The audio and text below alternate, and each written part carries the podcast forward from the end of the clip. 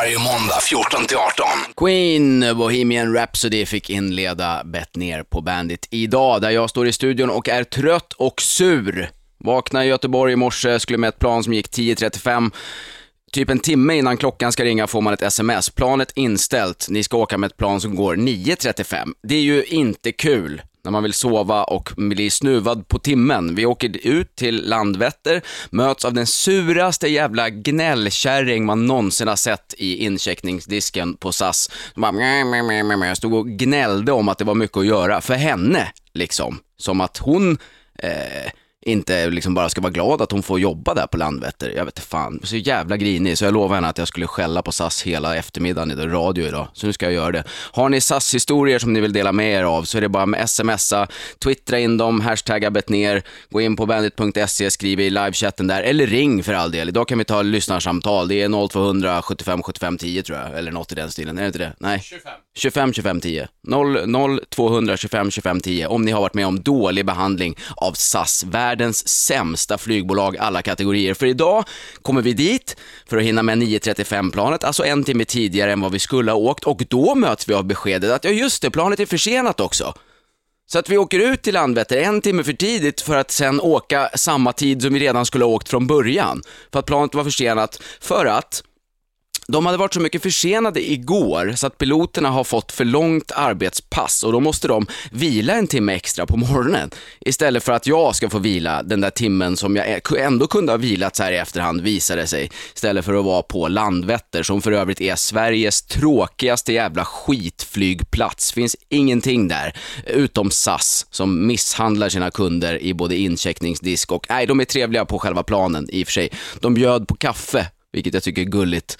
Som att det ska vara någon slags kompensation. Förra gången jag flög med SAS, jag är inte färdig på långa vägar, då hade de tappat hela min väska i någon jävla vattenpöl. Så går jag och klagar, den här är ju blöt. Ja, men det regnar ute.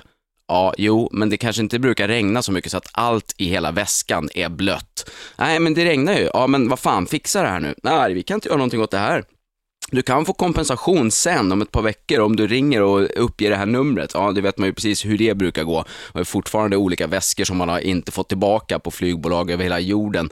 Men inget av dem är alltså så dåligt som SAS. Sämst, sämsta jävla skitflygbolaget i hela Sverige och jag hoppas att de har köpt reklam i det här programmet. Men det har de säkert inte, jag vet inte. Vi ska prata massa grejer idag. Vi har ju fått en sverigedemokrat som har hoppat av eh, i riksdagen, eller han sitter kvar. Eh, vi har Lars Vilks Vilks har ju varit i farten igen. Jag har varit på bokmässa, det ska vi snacka om. Vi har eh, eh ja, tusentals saker att, att snacka om. Så att vill ni vara med och snacka om det, då går ni alltså in på bandit.se där livechatten är i full gång och annars eh, twittrar ni och hashtaggar bettner och framförallt om ni hatar SAS, då är det det som är temat för dagen. Massa gäster har vi också idag, så att det kommer att bli eh, full fart.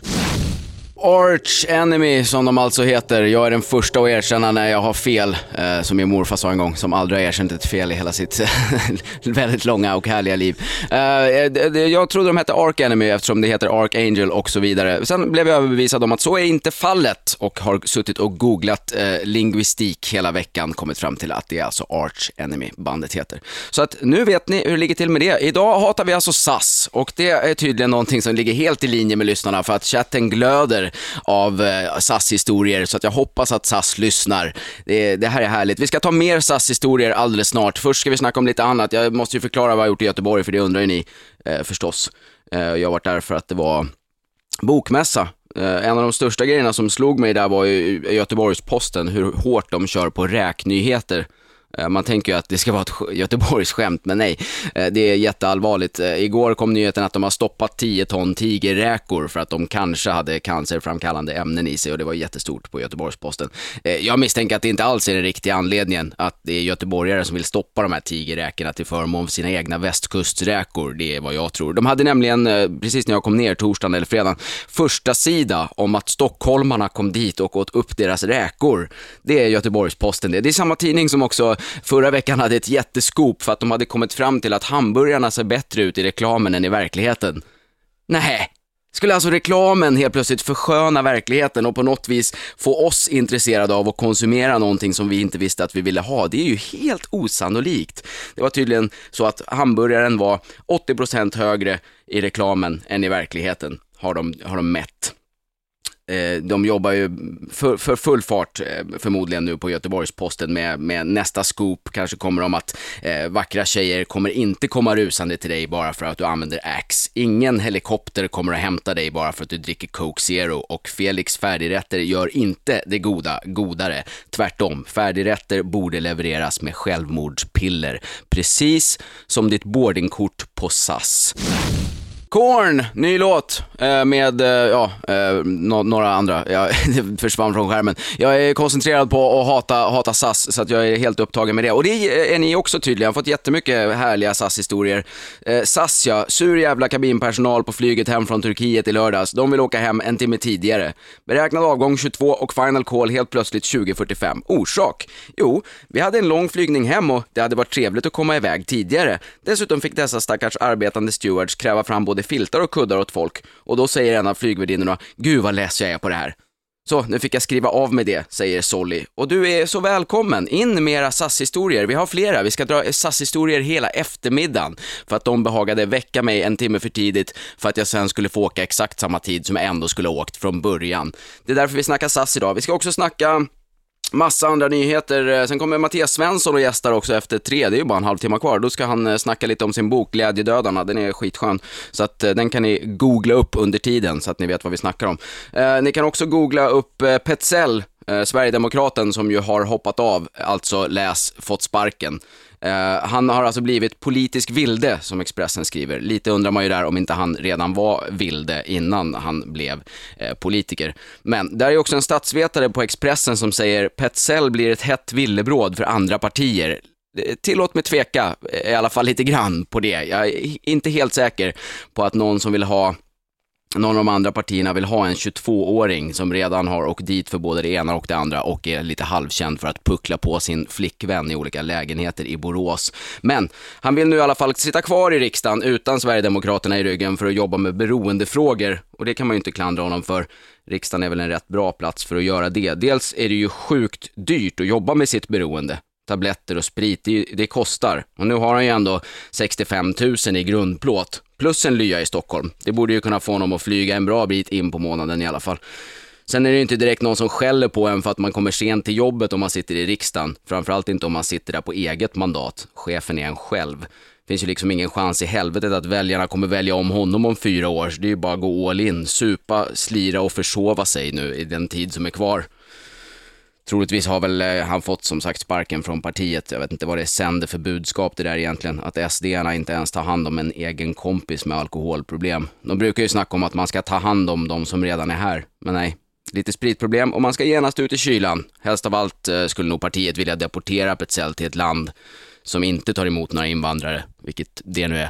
Eh, hörni, vi ska snacka massa andra nyheter och som sagt eh, två gäster idag. Först kommer Mattias Svensson efter klockan tre, sen kommer Cowboy Prostitutes hit eh, lite efter fem tror jag och spelar sin nya låt.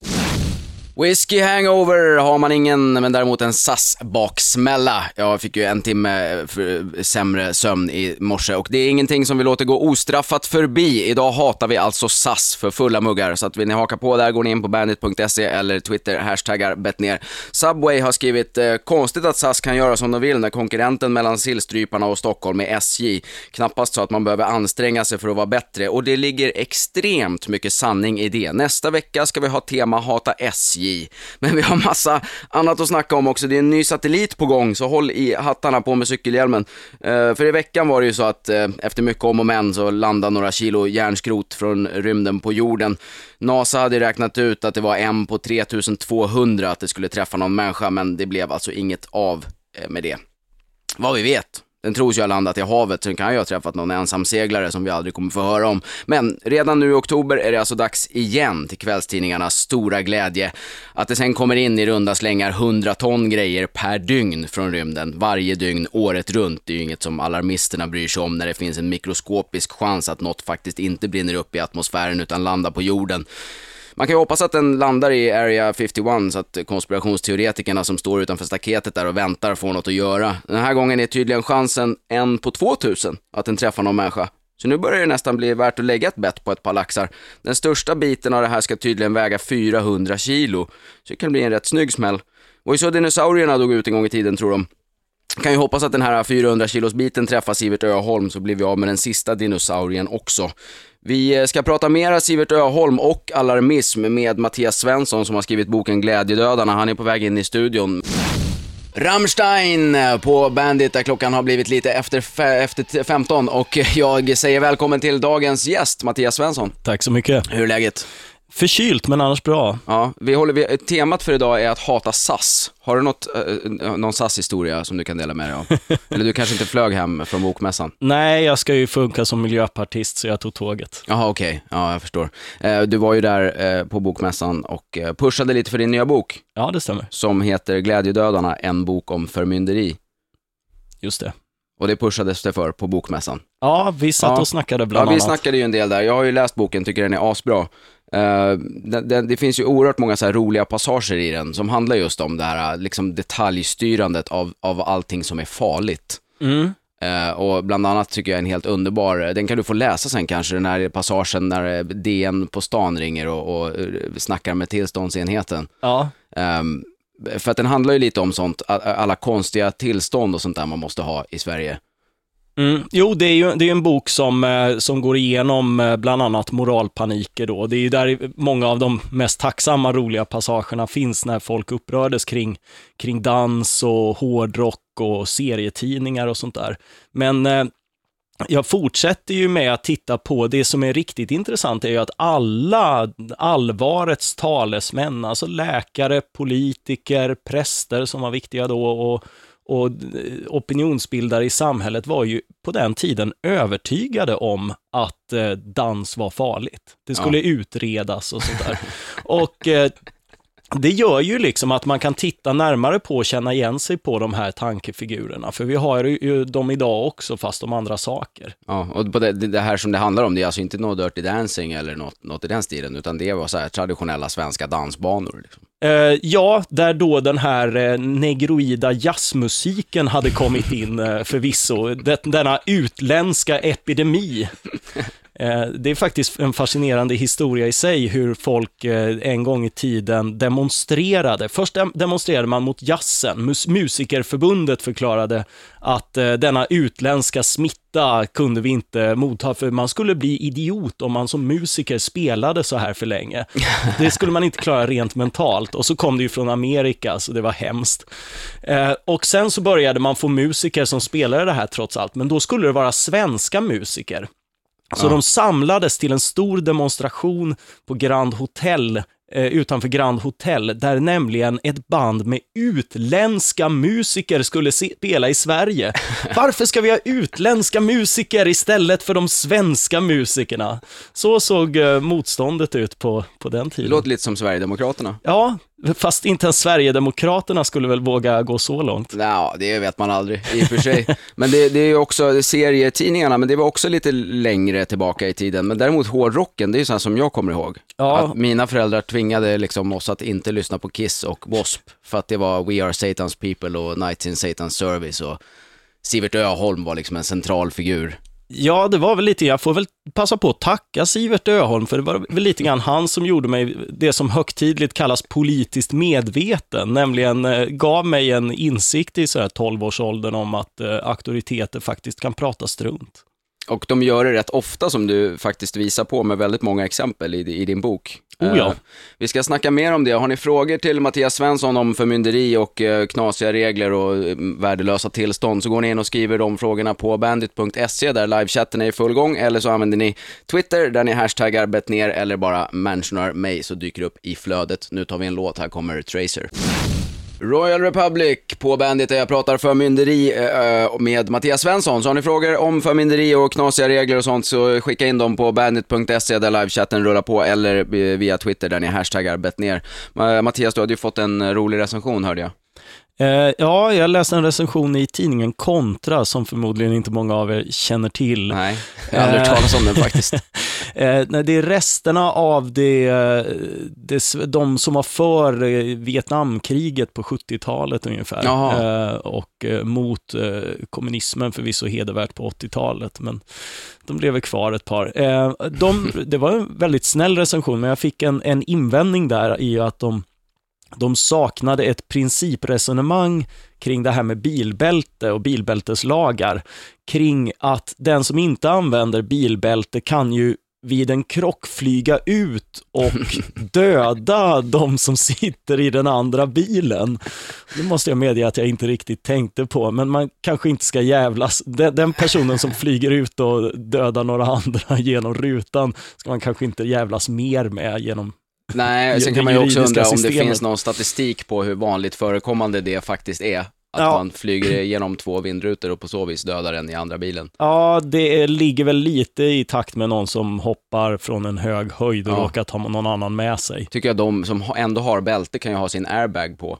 Så kommer Ja. den att ta emot den här snubben som flyger ut genom fönstret. Men bilbälte är ju en sån kul grej när man snackar om så här förmynderi och regler. För det är ju en väldigt konstig lag, att vi har en lag som säger att du ska ha bälte på dig vare sig du vill eller inte, när det bara är du som dör. Utifrån då det väldigt konstiga fall där du flyger på någon eh, när du flyger ut. Men i normala fall så är det bara man själv som dör. Liksom. Varför, varför tycker folk att det här är en bra lag? Eh, ja, det är väl för att man tycker att det är bra med bilbälte, ungefär som att det är bra att borsta tänderna och sånt där annat som, som ofta ligger i ens eget intresse att, att skydda sig. Och det roliga är ju också att en anledning till att vi har mer och mer säkerhet och sånt där är ju inte alls att livet har blivit så farligt och så otryggt som vi känner det, utan tvärtom, vi lever längre. Alternativkostnaden av att inte sköta sig och, och, och tänka på trygghet är fler förlorade levnadsår.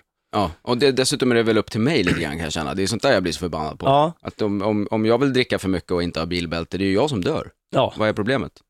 Eh, och eh, det är ju just, eh, ja, du bör kanske inte, om du dricker för mycket och kör så börjar du riskera andras liv. Ja, men det där- håller jag med om. Det är en Ja. bra lag tycker jag. Ja. Eh, Men där finns det ju liksom eh, lite vett bakom lagen. Exakt, att man där- där- där riskerar om ju uppenbart. Ja, Eh, Men å andra sidan finns det ju jävligt många som kör nyktra som inte kan köra bil också. Det blir ju svårt om man ska lagstifta bort allt som är farligt. ja, fast det finns ju en generell regel mot vårdslöshet i trafik och den täcker ju rätt mycket. Ja, Så man behöver inte speciallagar mot, mot att sitta och äta bakom ratten och sånt där tycker jag. Det, nej, men det får vi väl antagligen snart. En, Eller? ja, alltså i många länder finns det här och det pågår en sån här eh, intressant tävlan mellan länder. Tidningar rapporterar ofta som att ah, vi ligger efter England, för England har en lag mot, eh, mot att smsa och äta bakom ratten och det har inte vi. Då beskrivs det som att vi ligger efter. Då är vi otrygga. ja, Tänk så många ja, som har dött för att de har smsat. Jörg Haider till exempel. Det är den enda jag kan komma på. ja. Han dog i och för sig lite för att han var asfull också. men, men, men det var ju Han också hamnade smsande. säkert i båda statistiska Ja, han fälten. Eh, vi ska prata mer eh, med Mattias om, om olika lagar, regler, förmynderi och folk som vill tvinga oss att ha bälte på istället för att få dö i fred alldeles snart. Först kommer en låt med Slipknot. Slipknot på Bandit där jag sitter och pratar förmynderi med Mattias Svensson. Boken handlar ju inte bara om de här eh, massa lagar som håller på och petar i bilbälte och sånt där. Den handlar ju om större grejer också. Jo, eh, det är väl framför allt det att eh, det finns ju många böcker om just de här nonsensförbuden, men de kan man ju komma undan rätt lätt liksom. Och ibland kan de vara riktigt trevliga. Förbjud rökning på krogen så går man ut liksom. Men Ja. eh, förbjud rökning helt eller förbjuda alkohol eller förbjuda narkotika, det är då man märker att förbud är faktiskt riktigt farliga. Vad är det som är farligt med att förbjuda narkotika då? Ja, vad ska jag börja? Organiserad brottslighet, länder som faller samman, missbrukare som stöts ut ur samhället, stigmatiserat, att man sätter människor med, med sociala problem i fängelse bara för det, att fängelserna översvämmas av, av folk som får drakonika straff för att de säljer en substans som folk vill köpa. Jag håller med dig, jag ville bara höra vad du sa. Eh, Ja. Det är inte en helt eh, eh, medhårs åsikt i Sverige idag. Nej, men det där börjar väl ändras. Vi börjar få en lite vuxnare debatt kring det här. Eh, Men jag går ju också igenom eh, lite av de intellektuella rötterna till det här. Det var ju en farbror som hette Nils Bejerot som också var bekymrad över serier och seriernas narkotiska inverkan på folk. Han talade om serier som barnkammarnarkomani. När var det här? Eh, Det här var 1950, Barn, serier, samhälle. Men Ordfront gav faktiskt ut denna viktiga bok även 1980 och tyckte att dess budskap Men vad fanns det för idag. serier 1950? Fantomen hade inte ens kommit. Det var typ Kalle Anka då. Jo, Fantomen och eh, sånt fanns. Och då, det var ju, skulle ju göra folk till fascister och homosexuella och annat. Och det var ju Ja, olagligt på den tiden. ja exakt. Var ju- Olagligt och hemskt. Ja. Mycket, mycket märkligt. Men, eh, men det här med eh, narkotika och alkohol är samma sak. Där, där vill du också lätta upp lagarna, eller vadå? Oh ja, eh, där finns ju framförallt en, en väldigt eh, orättvist betraktande av att man, eh, vi smäller skatter och restriktioner på alla som sköter sig och så, och så hoppas man minska problemen på det sättet. Men eh, ja, och det kanske man gör till viss mån, men varför, varför ska man straffa de som sköter sig för, för att eh, några missköter sig? Du har en rubrik här i din bok som jag tycker är rätt skön. Det står “Det vanligaste sambandet är att dricka utan att bli våldsam”. Ja, så är det ju. De flesta, de flesta går genom hela livet och varje gång de dricker så blir de inte ett dugg våldsamma. De kommer aldrig att slå någon på käften. Sen finns det såklart ett riktigt samband mellan, mellan alkohol och våld. I Sverige inte minst. Eh, alltså det, man får sämre omdöme, man, eh, eh, när man är ute sur inte käkar ordentligt och sånt där, så blir det en massa onödigt jävla gruff som, som, eh, som är farligt och som polisen måste ingripa i och som är ett elände för många på sjukhusen och sådär. Vad, vad menar du med i Sverige inte minst? Det... det... det här sambandet gäller ju inte överallt. Det är ju inte drogen alkohol i sig som skapar det här sambandet, utan det finns i, det är väldigt starkt i Sverige till exempel, det finns i USA, det är ännu starkare i Ryssland, Finland, men det finns inte i till exempel Danmark. Så det är alltså en kulturell Ja, det Det, det, tycker jag vi ska snacka mer om och vill ni fråga Mattias någonting så gör ni alltså det på bandit.se eller via Twitter där ni hashtaggar betner. Nu är det dags för en låt. Här kommer System of a Down. Satanisterna i Ghost på Bandit, de har ju Sivert Öholm inte skrivit någon text om än, men han kanske inte kan engelska. Jag vet inte. Eh, han borde ju göra det annars kan man tycka. Jag sitter och snackar med Mattias Svensson, vi pratar om förmynderi och en bok som heter Glädjedödarna. Vi snackade precis innan musiken här om, att, eh, om alkohol och kultur. Mm. Eh, då du hävdar i din bok att det liksom är ett specifikt, eller ganska specifikt svenskt fenomen. Att, att man Eh, blir våldsam av sprit. Nej, det är, väl, det är väl ett ganska utbrett fenomen, men det finns inte överallt och det finns framförallt i varierande grad. Ganska mycket i Sverige, ännu mer i Finland, Ryssland, men, men ganska lite, mindre i USA och nästan inte alls i Danmark. Det är ju väldigt märkligt, tycker jag. Eller Danmark känns ju som att, eh, att det borde vara en, ett, ett land där man pucklar på varandra på fyllan. Ja, men de verkar bli glada och trevliga och hata muslimer istället. Ja, de kör den, de kör den Så kör den varianten. sta, statligt subventionerat eh, förtryck Ja, istället för att... Eh, men det här med, alltså, och du hävdar liksom att man kommer inte åt det genom att lagstifta om alkohol, att vi pucklar på varandra när vi är fulla. Nej, alltså det blir ju lite grann en, ur, en social ursäkt i sig också att säga liksom att ah, vi måste minska allas alkohol för att några slåss. Liksom. Det, Ja. Då kan vi ju införa Gudrun Schymans mansskatt också, för är det något som är överrepresenterat i brottsstatistik så är det ju män, Ja. mer än alkohol. Det skulle jag i och för sig kunna tänka mig att det vore vettigare att ha en mansskatt än att ha en skatt på, så hög i alla fall, på alkohol. Ja, och så kan man hålla på och identifiera grupper och, och stigmatisera och sånt där. Liksom. Men, men det blir en ganska absurd hållning och det är ju mot hela rättsstaten det här att straffa alla för att, eller straffa alla som gör någonting för att eh, några missköter sig istället för att beivra det. Ja, att bero på skatter så har vi fått eh, rätt mycket frågor på samma tema. Vi snackade lite bilbälte här tidigare och här har vi fått en fråga. Eh, om man inte dör utan bälte så är det skattebetalarna som får betala för vården för den personens dumhet. Tyvärr kan inte sjukvårdarna bara säga han eller hon hade inget bälte, de får skylla sig själva. Vi tänker inte plåstra om dem. Det är ju ett rätt vanligt argument när man pratar om bilbälte det här. Ja, eh, och jag, jag, tycker, jag tycker om det därför att eh, på något sätt så finns det ändå en, en rimlighet i just det här att man tycker att när folk får ta sina egna risker och betala sina egna kostnader. Eh, då får man ju, men i sjukvårdssammanhang, då får man ju tycka det i så fall att, att vi inte ska ha en gemensamt finansierad sjukvård utan var och en pröjsar sin egen försäkring. Jag tycker det är en lysande eh, lösning, för då kan, då kan de som vill då bli kunder hos livsstilsfascisterna AB, låga avgifter, inget liv och äta sina morötter resten av tiden och inte röka och inte kröka och sånt där. Det andra roliga är ju just att eh, siffrorna är rätt bråkiga på det här. Det är inte alltid så att eh, man sparar kostnader på, eh, på det här sättet genom att hålla efter folks livsstilar. I Holland gjorde man en studie för ett tag sedan och det visade sig att tjockisar och rökare faktiskt kostar mindre i sjukvård över livet än, än vad normala tunna motionärer gör. Så i så fall skulle vi liksom rent ekonomimässigt beskatta löparskor och nyttig mat och sånt där. Men gissningsvis gäller ju det även bilbälte. Jag kan tänka mig att det är väldigt många fler som blir svårt skadade för att de har bälte, eh, som egentligen hade dött om de hade skitit i det, om man ska se det ur ett samhällsekonomiskt perspektiv. Ja. Jag tror inte ens argumentet håller på bilbälte faktiskt. Nej, det är ju möjligt. Eh, Och sen, det är bara vissa livsstilar och sånt där av de här hälsofarliga. För vi kan alla säga liksom, men det är så monstruöst att folk dör i förväg så vi måste skydda dem från det och sånt där. Men jag hör aldrig någon säga att jag vill inte betala för helnykteristernas livsstil. Är den farlig då? Ja, den är i alla fall överrepresenterad för de flesta hälsofaror, hjärtsjukdomar inte minst och, och eh, även total dödlighet och det finns liksom många psykiska åkommor, inbundenhet och sådär som är associerade med, med en helnykter livsstil.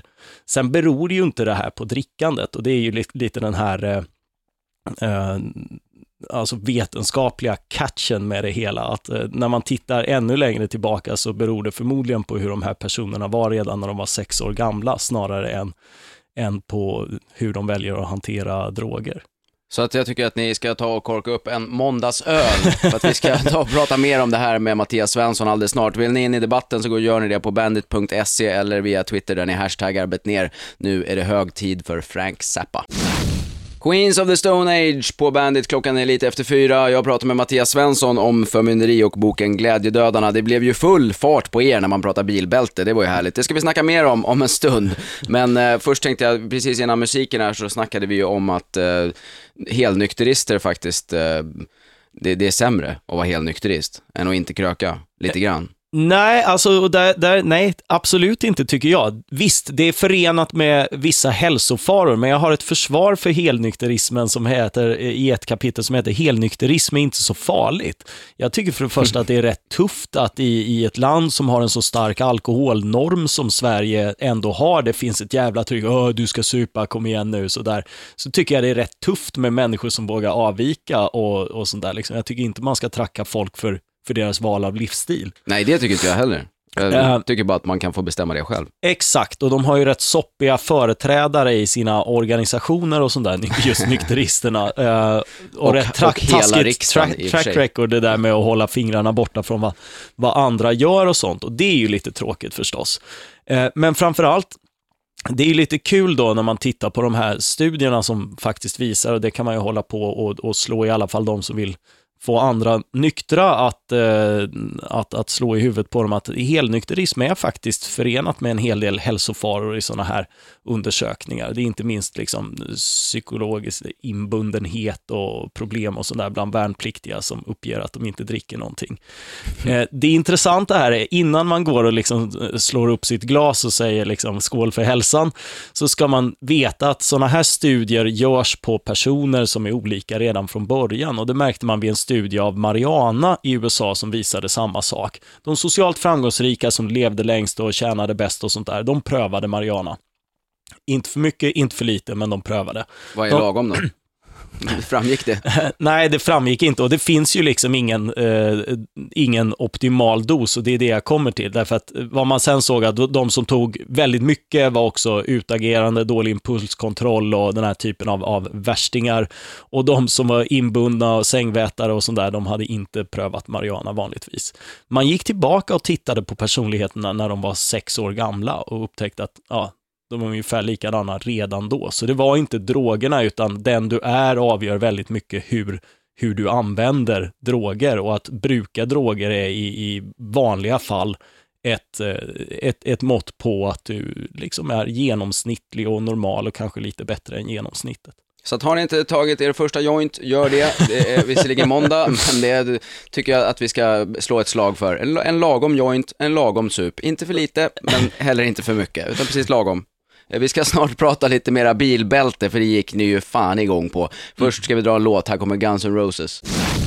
Tiamat, Vote for Love på Bandit, där jag eh, fortfarande pratar med Mattias Svensson, fast klockan är 20 över 4. Du ska snart få springa iväg, jag lovar, jag ska släppa dig. Men vi har fått massa frågor. Ska jag ta ett par? Ja, kör på. Ja, vi har en här som, eh, dels är det ju kul det här med bil, man kan säga vad som helst tydligen om knark och sprit, eh, men så fort man säger att man inte borde ha en lag om bilbälte, då blir det ett jävla liv på Bandit-lyssnarna. Det är härligt på något vis. Eh, vi har en, en om det, som skriver så här, det finns ju mer eller mindre korkat och riskfyllt beteende. Hur jävla kränkande är det att dra på sig bältet? Då är det ju värre att staten kan övervaka allt man gör på internet, att Migrationsverket skickar tillbaks folk till tortyrländer och att vi har en totalt inkompetent justitieminister. Here, here. Du Helt håller med rätt. om det? Ja, jag håller med om det. Men Ja. det är ett dåligt argument för bilbälteslagen. Jag håller också med, bara for the record. Alltså Ja. problemet är inte eh, att ha bälte på sig. Det tror jag att alla skulle ha om det fanns bälte i bilen och man inte hade lust att slå ihjäl sig när man kör eh, lagom fort. Det roliga är ju att det finns studier på vad bilbälteslagar eh, gör för att skydda människor och det är absolut ingenting. Nej. Eh, det är till och med värre än så. Eh, därför att när länder införde bilbälteslagar på 70-talet och man kunde jämföra med länder som inte hade lagar mot bilbälte så minskade olyckorna mer under den här perioden i länder som inte hade lagar mot bilbälte. Bilbälte räddar liv, men lagar gör det uppenbarligen inte. Nej, och det, det, min, min invändning mot det är ju just att det behövs ingen lag, för att det kan vi tänka ut själva, att då och då är det smartare med bälte. Ibland kan man skita i det för att man ska köra 20 km i timmen från en parkering bort till Coop. Ja, och då är det ju rätt jobbigt att få den där boten på någon tusenlapp bara för att Ja. det är då du hinner bli sedd. Precis. Men så att, som sagt, jag tror inte varken jag eller Mattias vänder sig mot själva bilbältet, utan mer om att någon annan ska bestämma när man ska ha det på sig. Jag har fler frågor till dig här. Eh, bland annat har jag en som undrar, tror den där Mattias på det han säger, eller får han lön från Marlboro? Var det för den här uppgiften om att rökare dör sju år tidigare än eh, människor som inte röker så, så tvivlar jag på att Marlboro skulle vara riktigt pigga på att sponsra ett sånt budskap. Ja. Det är icke desto mindre sant och jag tror på det jag säger där. Ja, vi har mer frågor om hur du jobbar här. Eh, eh, här undrar Mackan, pratar du ur eget perspektiv eller har du någon som helst källa till det du sitter och säger? Hade varit kul att veta hur du jobbar. Eh, ja, alltså jag har väl, hur många Jag har en eh, 450 noter i min bok. Det är en rätt ambitiös notapparat, men den är snorbillig så man kan plocka upp den för några tior nästan var som helst. Var, var kan man gå till exempel? Är det, finns den på Pocket Shop och sånt där? För den är Ja, i Pocket, för er som Gå, lyssnar. gå till, den kom direkt på Pocket. Gå till Pocket Shop, man kan också gå till välsorterade bokhandlar lite överallt. Och på nätet är den jättebillig, allra billigast hos kulturbutik.se. Där kostar den bara 39 spänn. kukukulturbutik.se. Då vet ni det. Hör du, stort tack för att du kom hit och snackade idag. Tack så mycket. Nu ska lyssnarna få en låt. Ja, det är en gammal goding som dyker upp. Här kommer Van Halen.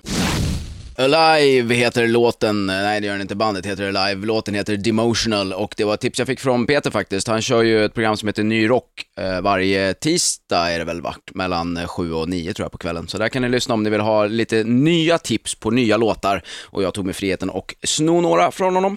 Eh, Subway har ju kommit med ett, eh, ett SAS-tips här för att vi har ju tema idag att vi hatar SAS för att de väckte mig en timme för tidigt, för som jag sen i alla fall fick spendera på Landvetter. Han skriver, åk aldrig eh, Eh, med SAS från Kastrup till Arlanda 17.40 nåt. Det planet är alltid sammanslaget med det som går 19.40 nåt. Bokade den flighten en gång i veckan i två år och den gick aldrig. Det är det jag säger, SAS är as, de ska ha. Kinapuffarna har ju varit på tal också i veckan. Eh, vem, vem hade kunnat tro att, att vi har varit koloniala rasister i alla dessa år? Här har man tuggat lite Kinapuffar och trott att det tillhörde fredagsmyset. Men nej, nej, det har varit lika illa som Hitler. Det är jävligt trist när sånt händer.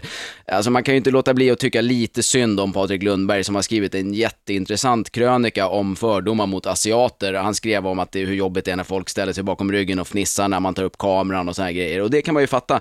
Och sen nämnde han bara puffarna som ett exempel om att vi inte har någon debatt om fördomarna mot just asiater jämförde med Nogge Black som det blev ett jävla liv om och att ingen liksom gör samma sak om till exempel Kina-puffarna. Inte så att han verkade vara, eller någon annan heller för den delen, verkar vara så kränkt av lite godis. Men det var ju för komplicerat för journalistkåren. Alla gick i taket över hur fatser kan vara så sjukt ondskefulla att de sprider fördomar på en godispåse. Vilka jävla as! Och eh, Ja, pucko-kommentar efter pucko-kommentar har levererats sedan dess. Alla pratar puffar, ingen pratar fördomar. Jag gissar att Patrik Lundberg ångrar just den meningen i sin krönika.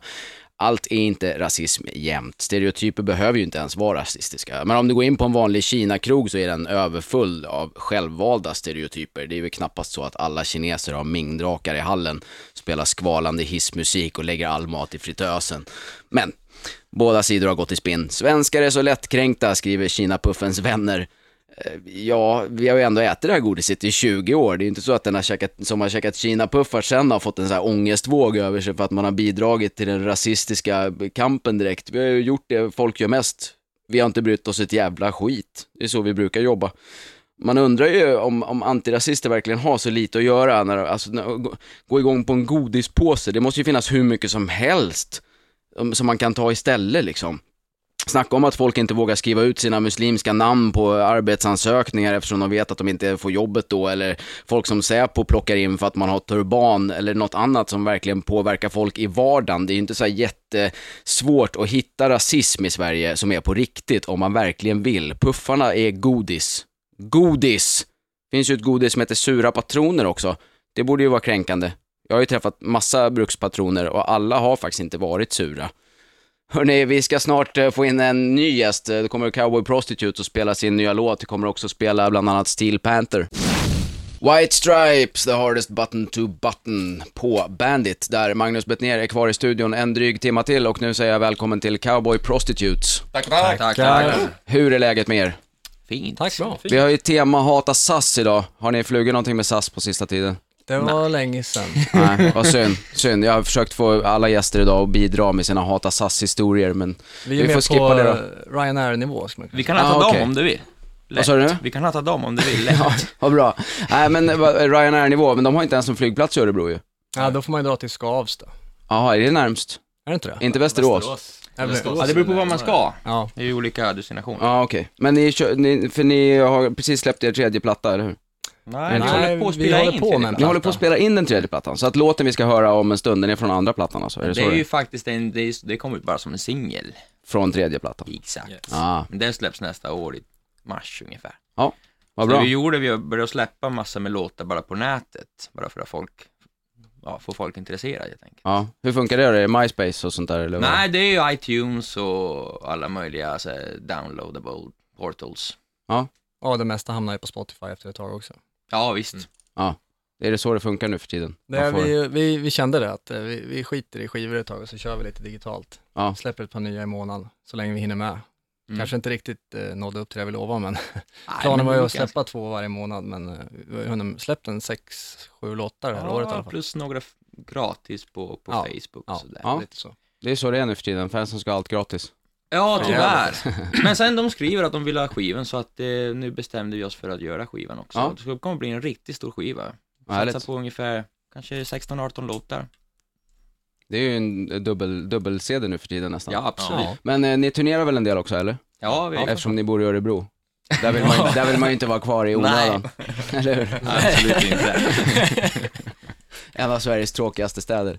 Eller ni kanske trivs där? Mellan, mellan Sveriges största bondhåla brukar jag kalla det för annars. Ja, det, är väl, det ligger väl ganska nära sanningen. Ja. Det är inte pyttelitet i och för sig, men det är, det är ju en, en, en av få städer där allt stänger klockan två. Ja, det är sant. Det är sant. Ja. Men finns det någon rockklubb i, i Örebro? Som är liksom så här stället där man, där man går och kollar på nya band och sånt? Ah, det, Nej, det är det jag säger, det är det jag säger. Det, det händer ju ingenting i Örebro, det är det jag säger. Men vad har ni för spelningar på gång nu då? Var ska ni åka? ja, just nu så har vi faktiskt eh, ganska lite bokat. För att det det som, det som gäller nu är studiotiden. skivan? Ja. Men eh, vi har börjat samarbeta med en ny bokningsbolag i Tyskland som är rätt så stort och speciellt genom festivaler. Så att eh, 2012 blir det mycket Tyskland-turnéer och sådär. Det är det som vi satsar på. Vad coolt. Och Det lite svenska festivaler kanske också, eller? Ja, det hoppas vi. Ja. Det hoppas vi. Jag har varit lite dåliga på det. Vi, vi, har, vi har åkt rätt så mycket faktiskt till Tyskland. Vi har haft mycket tur där, alltså kan man säga. Så att det, det, det är där som vi har spelat mest. Och när man spelar i Sverige så är det ju en helt annan dimension. Alltså, Tyskland kommer man dit och eh, man är ju, man är ju lite som en rockstjärna. Här är ju lite så här, får en par bärs och en spark i röven. Så att... Hamburg- eh, Hamburgertallrik.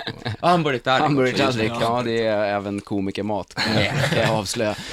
Vi ska snacka mer med eh, Cowboy Prostitutes efter lite musik. Vi börjar med en låt av Steel Panther. Sick Puppies, Odd One på Bandit där jag snackar med Cowboy Prostitutes. Ny platta på gång och eh, låten vi ska spela om en stund, det är Jonas Inde som har skrivit den. Ja, texten i alla fall. Vem har skrivit musiken då? David Schuttrick. Det vet jag inte vem det är. Blå container. Exakt. Jaha. Och han skrev mycket musik till eh, barnprogram faktiskt. Alltså Bolibompa. Jaha. Det så det är lite Rock'n'roll. Ja, precis. Men jag Men- tror lå- låten skrevs för några år sedan och ja, Men- Inde, Inde Och sen har Inde skrivit texten nyss, eller har skrivit ja, den nej, också för... var, det var också för några år sedan. Ja, okej. Men hur kom det sig att ni började jobba med honom då? Ja, han skrev till mig faktiskt någon gång och bara började snacka på, på nätet och han säger att han är en stor fan och ja, han har några låtar som han kanske vill presentera till oss. Vi bara, ja, visst. Jag faktiskt hade ingen aning vem han var. Jag är från Italien själv, så jag hade ingen aning vem, vem Jonas Inde var faktiskt. Nej. Så jag bara, ja visst, whatever. Han är ju mångsysslare, han har precis kommit ut med en bok också. Ja, precis, en kanonbok faktiskt. KKM heter det. Har det Eh, något eh, samband med låten eller? Det har ju faktiskt lite grann, och speciellt samband med en till låt som vi håller på att skriva tillsammans med, med Jonas Sinde och en till kille som heter eh, Peder. Peder Andersson. Ja just det, vi lyssnade på något annat band de eh, jobbade med som hette Hundarna. Hundarna, för Mm, det precis. var i våras när jag Exakt. snackade här. Exakt, låten heter I don't wanna kill you today. Eh, och det är, det är lite creepy sådär. Och det är precis i samband med, med boken. Men Scary med faktiskt, låten som vi ska spela nu. Ja. Det, är ju, det handlar lite sådär om den, den mörka sida genom... Stalker-poppen som, som Ja. jag tror Jonas ja, exakt. Ja men vad säger ni, ska vi ta och lyssna på låten eller? Kör, kör. ja, då kör vi den. Här kommer Cowboy Prostitutes, låten heter Scary. Scary heter låten, Cowboy Prostitutes heter bandet och de sitter här. Hej! Hello! Låten kan man få tag på nu, eller hur? Det är bara att surfa loss. Behöver inte kunna så mycket mer än att surfa på en dator så finns det på iTunes och Amazon och... Skitbra. Och sen Alla kommer den på, på en skiva. Och sen blir det en skiva i mars där. Mm, Ja. precis. Med det vi har gjort i år och en jäkla massa mer förhoppningsvis. Mm. Man, kan Spännande. kolla, man kan kolla på videon på YouTube också. Den måste man gå in och kolla på. Ja, det är en väldigt blodig video. Ja, gör det. Gå in och kolla. Scary heter låten som sagt. Det är Jonas Inde som har skrivit den. Han hälsar via Twitter här att eh, han skrev riffet också. Oj. Förlåt Jonas! Han säger, "Ny- nynnade för gitarristen Fast Freddy Lindgren för 27 år sedan som Oj. spelade Oj, Inde, oj. and here we are. Han har ett fruktansvärt elefantminne denna Jonas Inde. Kommer ihåg, kommer ihåg riff han nynnade för 27 år sedan. Men det går alltså att få tag på skivan i mars först eller något sånt där va? Japp. Och fram till dess får man nöja sig med singeln. Som finns Yes. på YouTube, iTunes, på MySpace, på överallt. Spotify. Sök på Scary. Jättetack för att ni kom hit. Tack själv. Tackar. Nu drar jag iväg en låt till lyssnarna. De ska få eh, Rammstein. Rolling Stones, Paint It Black. Riktigt skön gammal låt måste jag säga. Eh, du lyssnar på Bandit om du inte kände till det redan och jag heter alltså Magnus Bettner. Jag brukar vara här varje måndag mellan eh, 14 och 18. Så även idag, så ungefär 40 minuter till ska jag stå här och babbla och spela musik, hade jag tänkt. Eh, Vilks har jag ju lovat att vi ska snacka om. Det har jag inte glömt bort, för han har ju fått lite tid i media igen. Eh, det var ju några göteborgare som planerade att hugga ner honom med en kniv som Säpo plockade. Och för säkerhets skull så fortsatte Säpo att plocka lite folk utifall att. Bland annat så lyckades de gripa en SVT-journalist under bokmässan. Eh, det är väl inte helt troligt att en redaktör för Uppdrag granskning skulle planera våldsamma övergrepp mot Vilks. Lite seg miss för Säpo kan man tycka. Men å andra sidan så verkar ju de vara rätt vana vid missar. Det är sjukt många sopor inblandade när det kommer till den här Vilks-historien. Alltså, man märker ju lite vilken, vilka hans konst eh, talar till. Först, först så målar Vilks en rondellhund och en Mohammed-karikatyr som är så jävla efterbliven att den inte skulle platsa på en utställning på ett dagis. Det irriterar i sin tur ytterligare några sopor som ska ge igen genom att bränna ner hans hus. Och de lyckas bara tända eld på sig själva. Allvarligt, hur fan lyckas man med det? Hus är ändå rätt stora, men nej, nej, två personer missar hela jävla huset och får fjutt på sig själva istället. Det är ju makalöst dåligt. Vilks då i sin tur svarar att han inte är rädd för hot och säger att han kan försvara sig med en yxa, vilket är bra tänkt. Då kan man ju hugga ner yxan i elden om någon verkligen skulle lyckas fjutta på kåken. Det hjälper säkert. Som eh, grädde på moset kommer alltså nästa gäng sopor som inte lyckas planera ett knivöverfall utan att bli plockade av snuten. Eh, hur lyckas man med den grejen? Skriver man en blogg, mejlar, lägger upp det som Facebook-status att det här är på gång? Det kan ju inte vara så jävla klurigt att ta koll på den här killen. Har ni sett honom? Han är 900 år gammal. Ett krokben så faller han och bryter lårbenshalsen och sen är det klart. Nu är det klart bra att Vilks får skydd av polisen, jag säger ingenting om det. Men ska vi ha en yttrandefrihet som är värd namnet så måste man ju se till att samhället skyddar även den som målar jätte, jätte, jättefula teckningar. Men det är ju fascinerande att folk som verkligen orkar bli upprörda av de här och att de som försöker hämnas inte direkt verkar ha varit eh, kursettor på mördarskolan. Jag tror att vi, den här följetongen kommer aldrig, aldrig någonsin ta slut. Lars Vilks kommer leva för alltid. Jag Läste precis i eh, tidningen som heter Expo att eh, distriktssekreteraren för Sverigedemokratisk ungdom Syd, som heter Robert Wahlgren, han kommer att uteslutas ur SDU efter att han har deltagit vid en nazistdemonstration. Sverigedemokraterna har ju som bekant lite problem med de som är nazister i offentligheten. Att sen hela partiledningen är gamla nazister, det är däremot ingenting som man snackar högt om. Massa andra nyheter som jag inte har hunnit med. Eh, Saudiarabien ska ju få rösträtt. Eller kungen har i alla fall gått ut och sagt att kvinnor i Saudiarabien ska få rösträtt i kommunvalen från och med nästa val, som alltså är om fyra år. Det vill säga att de hamnar ganska prick 40 år efter Schweiz, som i sin tur var rätt sena eh, med kvinnlig rösträtt. Kanske inte så konstigt i och för sig, eftersom de väl så vitt jag vet inte har så mycket val i alla fall i Saudiarabien. Det här är någon form av kommunalval där man gissningsvis kan rösta på några olika av kungens kusiner. Självklart kan de inte ta bilen dit, kvinnorna, eller gå utan en manlig släkting vid sin sida. Någon måtta får det ändå vara på friheterna, menar jag. Eh, mer nyheter. R.E.M. har ju upplösts eh, lagom för att kunna återförenas i god tid för en sommarturné 2012. Det är ju så det brukar vara med band som börjar bli lite mossiga men inte vill se sanningen i vitögat. Eh, häromveckan gjorde ju The Ark slut med sig själva för femte gången i rad eller någonting. Eh, det är ju, de är ju inte heller ensamma om det här, köra reunite eller comeback-tricket. Jay-Z släppte ju en skiva som hette The Black Album som han framförde från början till slut på en konsert som finalen på hans karriär. Eh, året efter kom ett nytt album. New Kids on the Block försökte ju upprepa framgångssagan som frånskilda farsor utan vare sig sexappeal eller spruckna pojkröster, gick också sådär. Courtney Love slutade knarka tillräckligt länge för att starta upp ett nytt hole. Eh, för att ha råd att börja knarka igen kan man ju tänka sig. Eh, när eh, Zac de la Rocha hittade ut ur djungeln äntligen och efter sitt anarkistiska lilla äventyr där så var det ju dags att tjäna lite deg och återförenas med Rage Against the Machine igen och nu är det alltså R.E.M's tur. Vi håller tummarna för att Michael Stipe inte har dött i aids utan att de håller hela vägen till en återföreningsturné nästa sommar. Det ner på Bandit. Måndagar 14 till 18.